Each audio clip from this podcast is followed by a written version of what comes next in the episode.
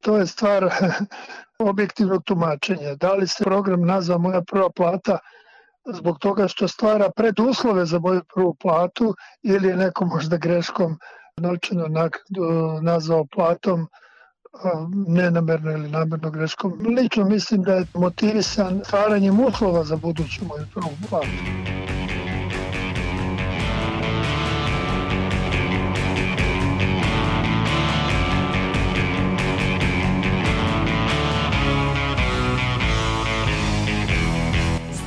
Podcast Reaguj nezavisnog društva novinara Vojvodine.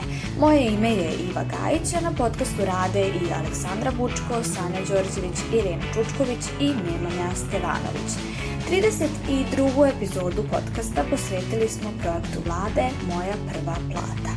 Nedavno je počela prijava korisnika za program vlade i nacionalne službe za zapošljavanje Moja prva plata, u okviru kojeg su mladi ljudi koji nisu imali radno iskustvo mogli da konkurišu za rad u nekoj od privatnih kompanija. Program osposobljavanja može da traje do 9 meseci, a učesnici programa će za svoj rad dobijati 20.000 dinara ukoliko imaju završenu srednju školu, odnosno 24.000 dinara ukoliko imaju visoko obrazovanje.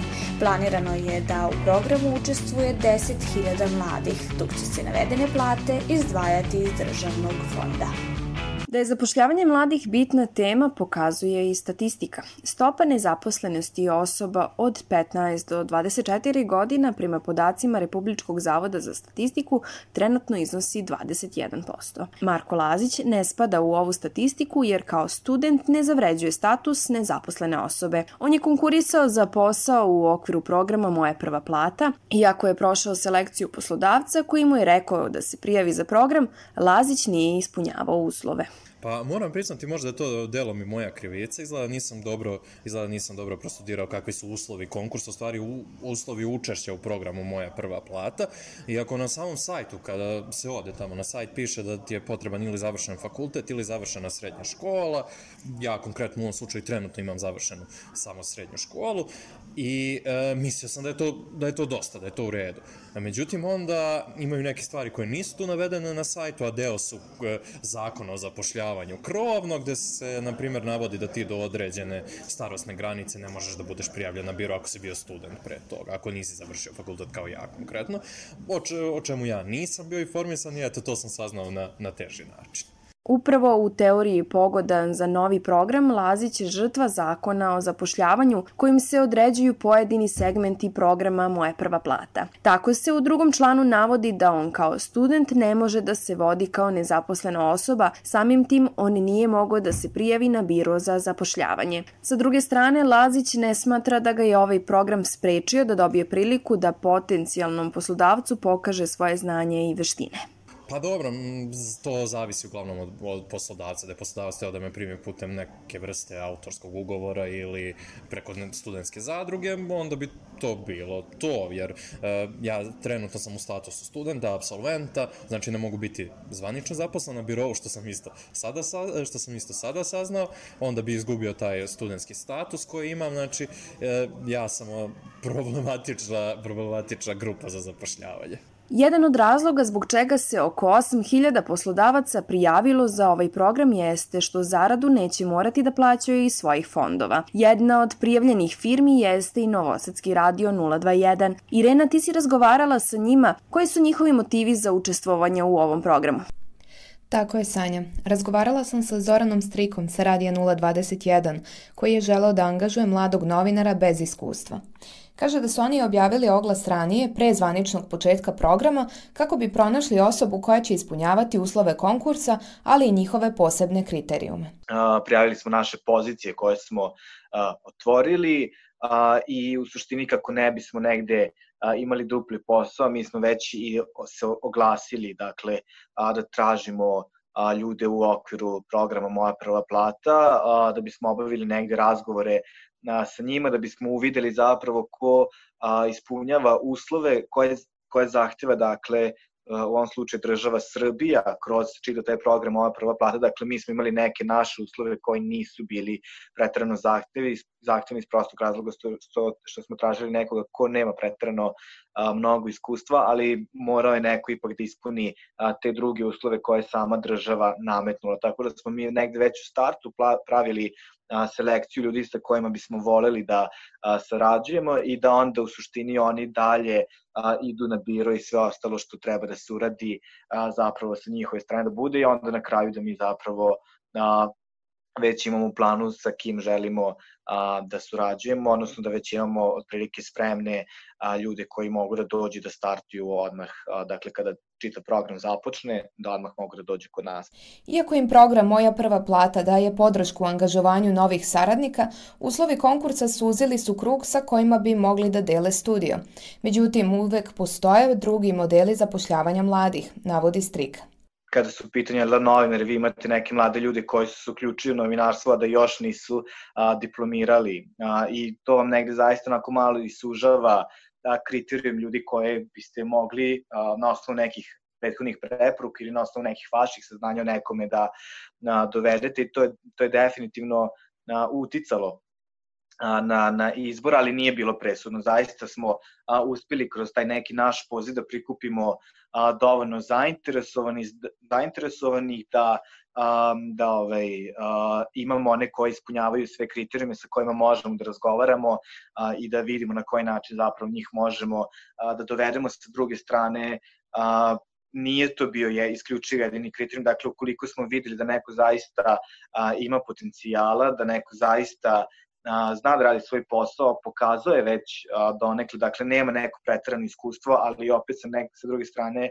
a, je radio nešto do sada, ima neke preporuke koje dolaze od ljudi čije prosto mišljenje a, ce, držite do njega, a, a, a sa druge strane možda ne ispunjava baš taj isključivi kriterijum, dakle diplomiranja, a, za takve osobe zaista ukoliko želimo da oni budu deo našeg tima, onda se trudimo da pronađemo neki drugi model, a taj drugi model jeste da vidimo da li mi u stvari u našim negde financijama ima dovoljno, imamo dovoljno prostora a, za još jednu osobu, dakle koje možemo da isplatimo, tako da nije to bio jedini kriterijum, ali svakako a, bio donekle, donekle jeste ograničavao a, krug ljudi koje možete da, da izaberete, ali opet ponavljam, zaista smo imali dovoljan broj prijava da budemo zadovoljni onima koji su zaista ispunjavali sve moguće kriterijume.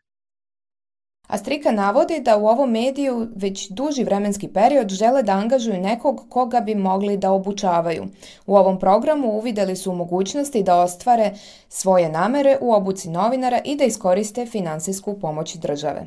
A, dakle, prvo se najpre pojavila vest o svemu tome da će na taj način moći da se a, zaposlani koji nemaju radno iskustvo i mi smo zapravo tu videli priliku a, jednu koja bi nam dobro došla zapravo da a, dovedemo neku redakciju ko nema mnogo iskustva i da u suštini iskoristimo a, tih nekih 9 meseci da bude jedan proces a, obuke, a uz to da taj neko zapravo bude od samog starta a, plaćen za svoj posao. A, 021 ima zapravo tu negde a, već a, politiku duže vremenski period, da oni koji dolaze a, u redakciju jesu uglavnom mladi ljudi koji a, nemaju mnogo iskustva i prosto 021 ima a, tu neku tradiciju stvaranja novinara.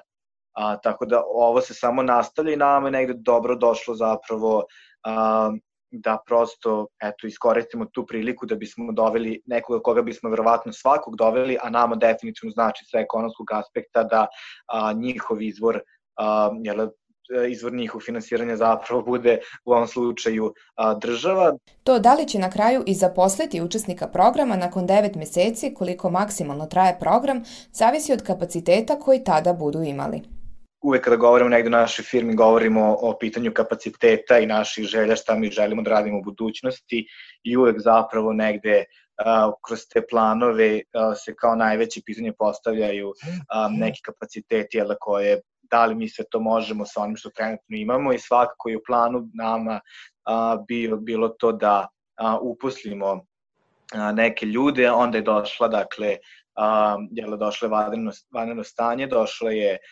korona, došla je priča o ekonomskoj krizi koja treba da usledi i negde zapravo to vam sve a, onako se mešu planove i vaše neka razmišljanja o onome šta bi trebalo da radite. Sa druge strane, dakle, pojavila, pojavila se definitivno ova a, prilika i mi smo odlučili prosto da, ukoliko možemo da nju iskoristimo a, i svakako jeste plan, dakle, da posle 9 meseci to budu ljudi koji ostaju kod nas a, da rade. Oko 70% pozicija je namenjeno za kandidate sa završenom srednjom školom, od kojih su najviše traženi radnici u tekstilnoj, prehrambenoj, metalskoj, prerađivačkoj i industriji nameštaja, a ostalih 30% sa visokim obrazovanjem čine uglavnom ekonomisti, mašinski, građevinski i elektroinženjeri, izjavio je nedavno predsednik Privredne komore Srbije Marko Čadeš. Iz Državnog fonda za obavljanje poslova sa srednjom školom izdvajaće se mesečno 20 20.000 dinara, odnosno sa fakultetom 24.000 dinara, bez obzira na oblik, težinu i obim posla. Poslodavcu je ostavljena mogućnost da dodatno plati učesnika konkursa ukoliko želi iz Nacionalne službe za zapošljavanje nisu odgovorili na naš poziv za intervju, ali je zato naš kolega Nemanja Stevanović razgovarao sa Marijom Reljanovićem, stručnim saradnikom na Institutu za uporedno pravo. Nemanja, da li Reljanović smatra da je program Moja prva plata dobro osmišljen? Program Moja prva plata može se posmatrati kao nastavak prethodnog programa koji je vlada Srbije i Nacionalna služba za zapošljavanje – realizovala skoro 10 godina. Međutim, kako ističe Reljanović, velika je razlika između ova dva programa. Program koji podstiče mlade da se radno angažuje potreban ističe, ali dodaje da kod moje prve plate vidi previše problema. Najveći problem koji Reljanović vidi u realizaciji ove ideje jeste što su u okviru prvog programa angažovani imali neka radna prava, a poslodavci obaveze dok sa programom Moja prva plata to nije slučaj. Oni ne, oni ne postaju zaposleni. E, to je zapravo suština e, tih kritika koje su upućene za, za program Moja a, prva plata. E, taj program je e, sličan, ali opet drastično različit u odnosu na program Prva šansa koji je bio aktualan, evo, ja mislim, skoro desetak godina. Dakle, prva šansa se sastojala u tome da e, se e, mladima obezbedi e, prvo radno iskustvo, ali i da, da im se obezbedi dovoljno pripravničkog staža za početak karijere. Dakle, oni su bili u statusu pripravnika i bili su zaposleni i postojala je obaveza poslodavca da ih zadrži na tom radnom mestu na tim poslovima još godinu dana po isteku beneficija koje je dobio od e, države u sklopu programa.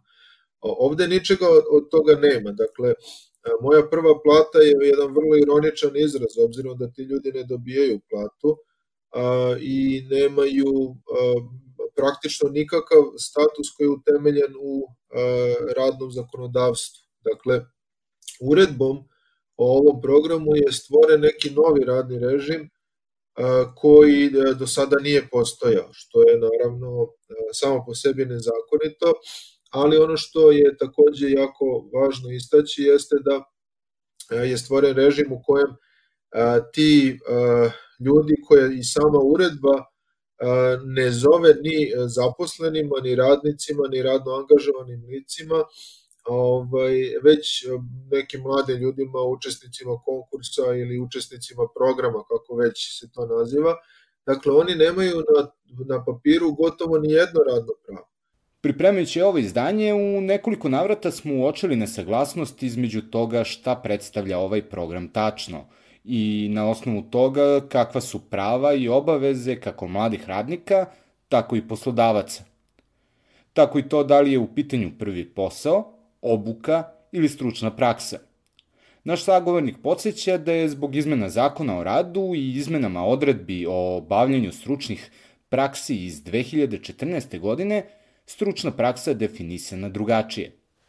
Ono što se meni čini jeste da je vlada Republike Srbije htela zapravo da na neki način ukalupi u, u neki normativni okvir radne prakse radne prakse koje su izmenama zakona o radu i izmenama odredbi koje su odnosile na ugovor o stručnom osposobljavanju i usavršavanju 2014. godine praktično postale nezakonite, odnosno izgubljen je taj pravni osnov za obavljanje radnih praksi, jer je sada ugovor o stručnom osposobljavanju i usavršavanju isključivo namenjen onim mladima, zapravo ne moraju da budu mladi, ali onim radnicima koji imaju zadatak da ostvare određeni radni staž da bi polagali stručni, stručni ispit.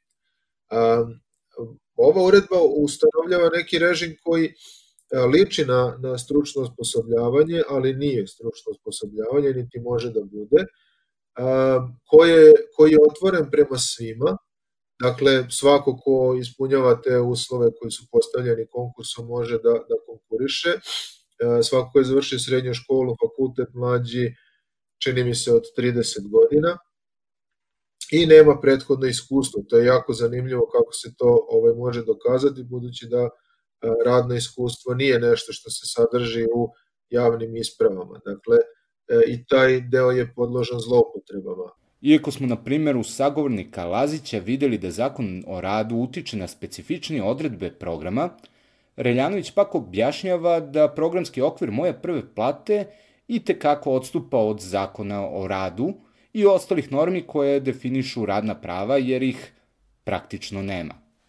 Ono što je važno naglasiti jeste da ti mladi ljudi kada konkurišu, odnosno ako budu primljeni, ulaze u jedan vrlo nedefinisan uh, odnos koji nema utemeljenja u zakonu o radu, tako da mi nismo sigurni koje ona, oni prava imaju.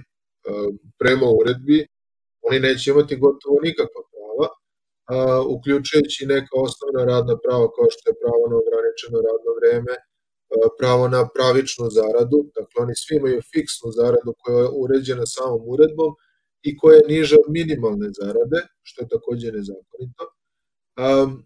Reakcije nacionalne službe su vrlo karakteristične. Dakle, nacionalna služba koja rukovodi tim programom je rekla, pa dobro, takvih programa je bilo i ranije i ovaj, nije to ništa novo. E sad, ako smo nekim programima i ranije kršili zakon, to ne znači da moramo tako da nastavimo. To je prvo.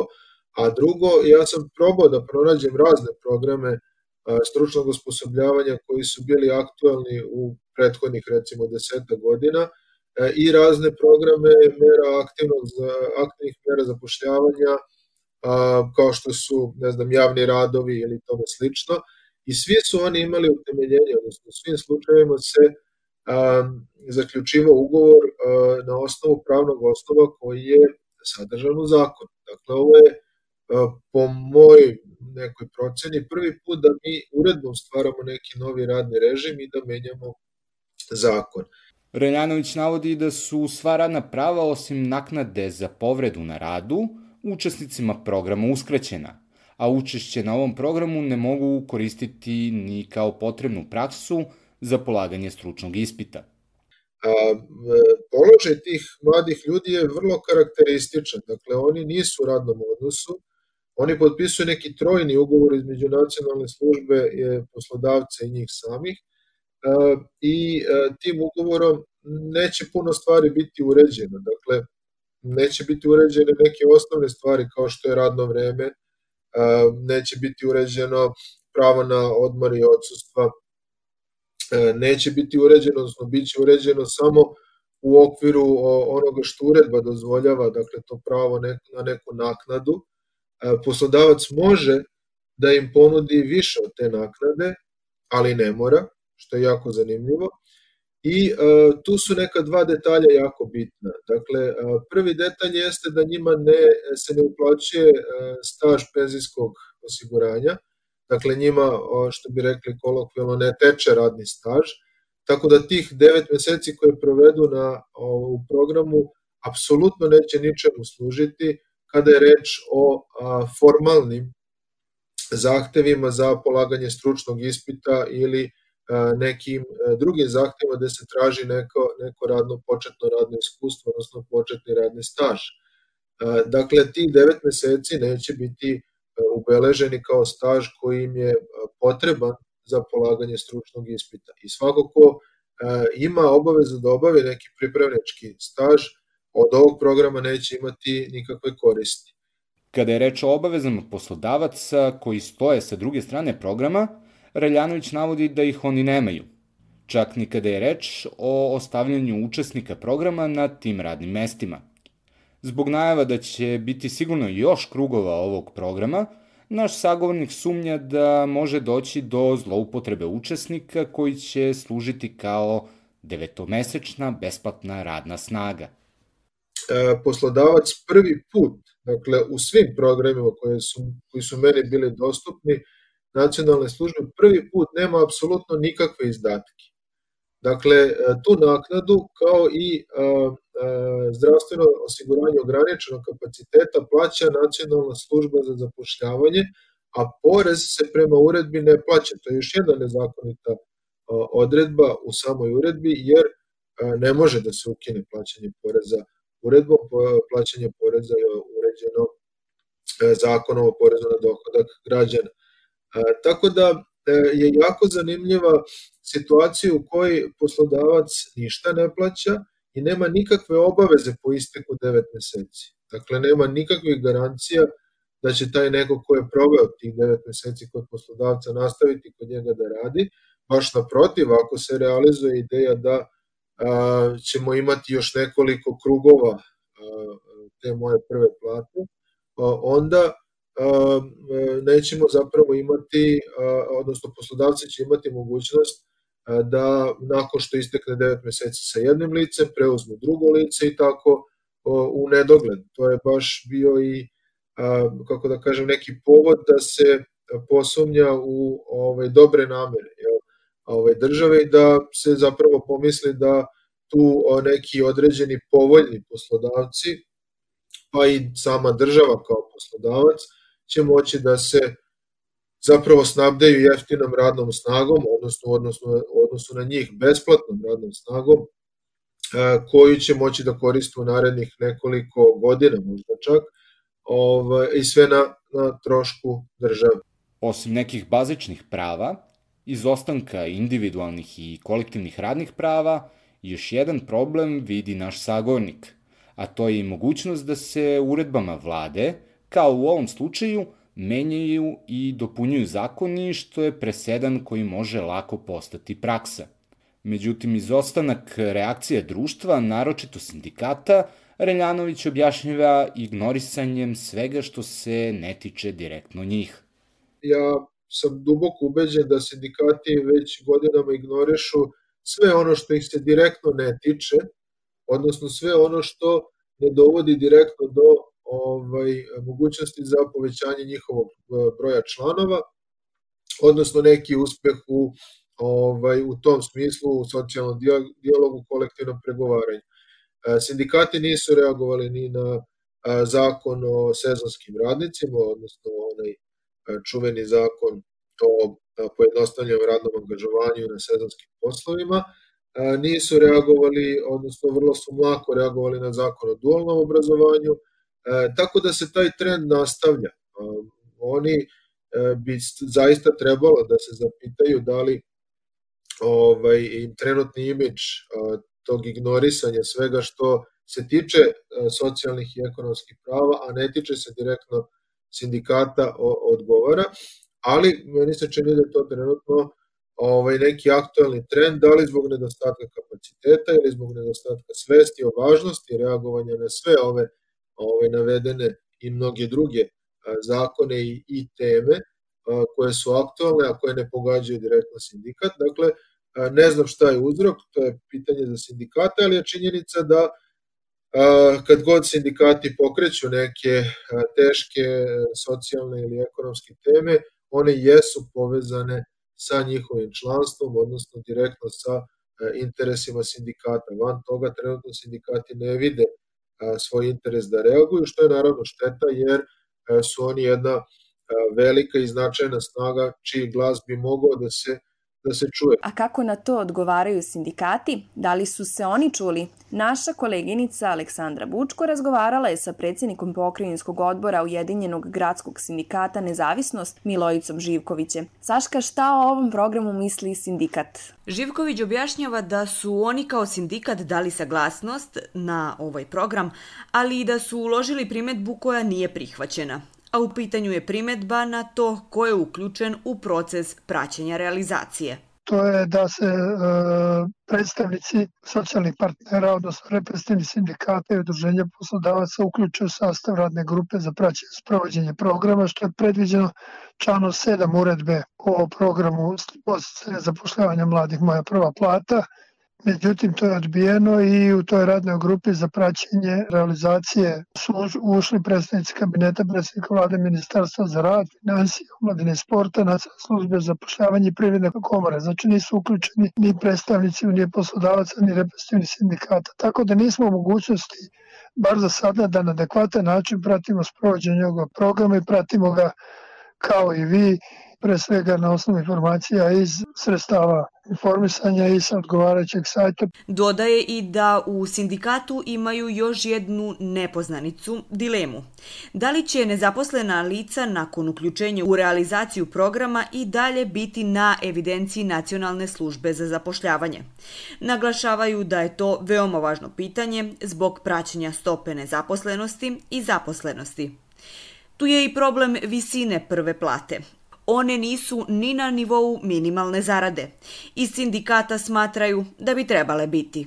Pre svega nije samo terminološki, nego i suštinski treba to nazvati novčanom naknadom. To nije zarada. To je stvari novčana naknada za vreme trajanja obuke i vrlo je relativno teško je proceniti kako da se vrednuje taj rad. S obzirom na to da se radi i o različitim strukama, radi se o dva stepena stručne spreme, radi se o različitim poslodavcima, različitom tehnološkom nivou i prosto da li je moglo da bude preciznije utvrđeno određenim kriterijuma, Smatramo da da, a koliko precizno, to je jako teško reći. Postavlja se pitanje da li onda pričamo o programu Moja prva plata ili Moja prva naknada? To je stvar objektivnog tumačenja. Da li se program nazva Moja prva plata zbog toga što stvara preduslove za moju prvu platu ili neko možda greškom novčano nazvao platom nenamerno ili namerno greškom. Lično mislim da je motivisan stvaranjem uslova za buduću moju prvu platu ali u cilju konstruktivnog dijaloga on program Moja prva plata ne bi nazvao maliciozan. Smatra da treba sagledati i pozitivne i negativne strane programa koji predstavlja pokušaj podsticanja zapošljavanja mladih dobre strane ovog programa da zaista je okrenuto osposobljavanju nezaposlenih za samostalan rad i to podrazumuje praktičnu obuku na poslovima kod poslodavaca u cilju sticanja znanja, određenih ština i kompetencija za rad. Takođe, dobro je da su propisani uslovi koje poslodavac mora da ispuni, što je ograničen rok trajanja programa i da je nacionalna služba zapošljavanja obavezana da se isplatu novčane naknade, ali i doprinosa za slučaj povrede i radu i bolesti. Naravno, postoje određeni nedostaci za koje verujemo da u praktičnoj primjeni neće, neće doći do izražaja, proizilaze iz pravne prirode ove vrste ugovaranja, jer ovde se ne zasniva radni odnos. Mi još uvek nemamo dovoljno informacija kako izgleda ogledni primjerak takvog ugovora, takođe nije nam poznato ni zaista sadržaj tih programa, s obzirom na to da oni kao rezultat treba da imaju zaista sticaj određenih znanja i veština koje će biti upotrebljivi verovatno ne samo kod tog poslodavca, nego kod drugih poslodavaca. Pogotovo što poslodavac nije obavezan da nakon isteka 9 meseci, koliko je maksimalno trajanje ovakvog ugovora, nije obavezan da zaposli to lice. Naravno da ćemo pratiti dalje dešavanja kada je u pitanju program Moja prva plata, jer tek se u novembru e, i decembru očekuje potpisivanje ugovora, a kao što smo čuli u ovom 32. izdanju podcasta Reaguj, tek sa prvim ugovorima vidjet ćemo i koja prava sve imaju mladi radnici. Ako želite da i dalje pratimo ovakve teme, podržite nas. Prijavite se na naše kanale na iTunesu, Stitcheru, Castboxu, Sounderu, Google podcastima, kao i na sajtu podcast.rs. Podelite ovo izdanje podcasta na socijalnim mrežama i donirajte na sajtu donations.nadnv.org. Pišite nam ukoliko imate neki komentar ili sugestiju. Naša mail adresa je podcast.nadnv.org. Mi smo ekipa podcasta Reaguj, nezavisnog društva, novinara Vojvodine.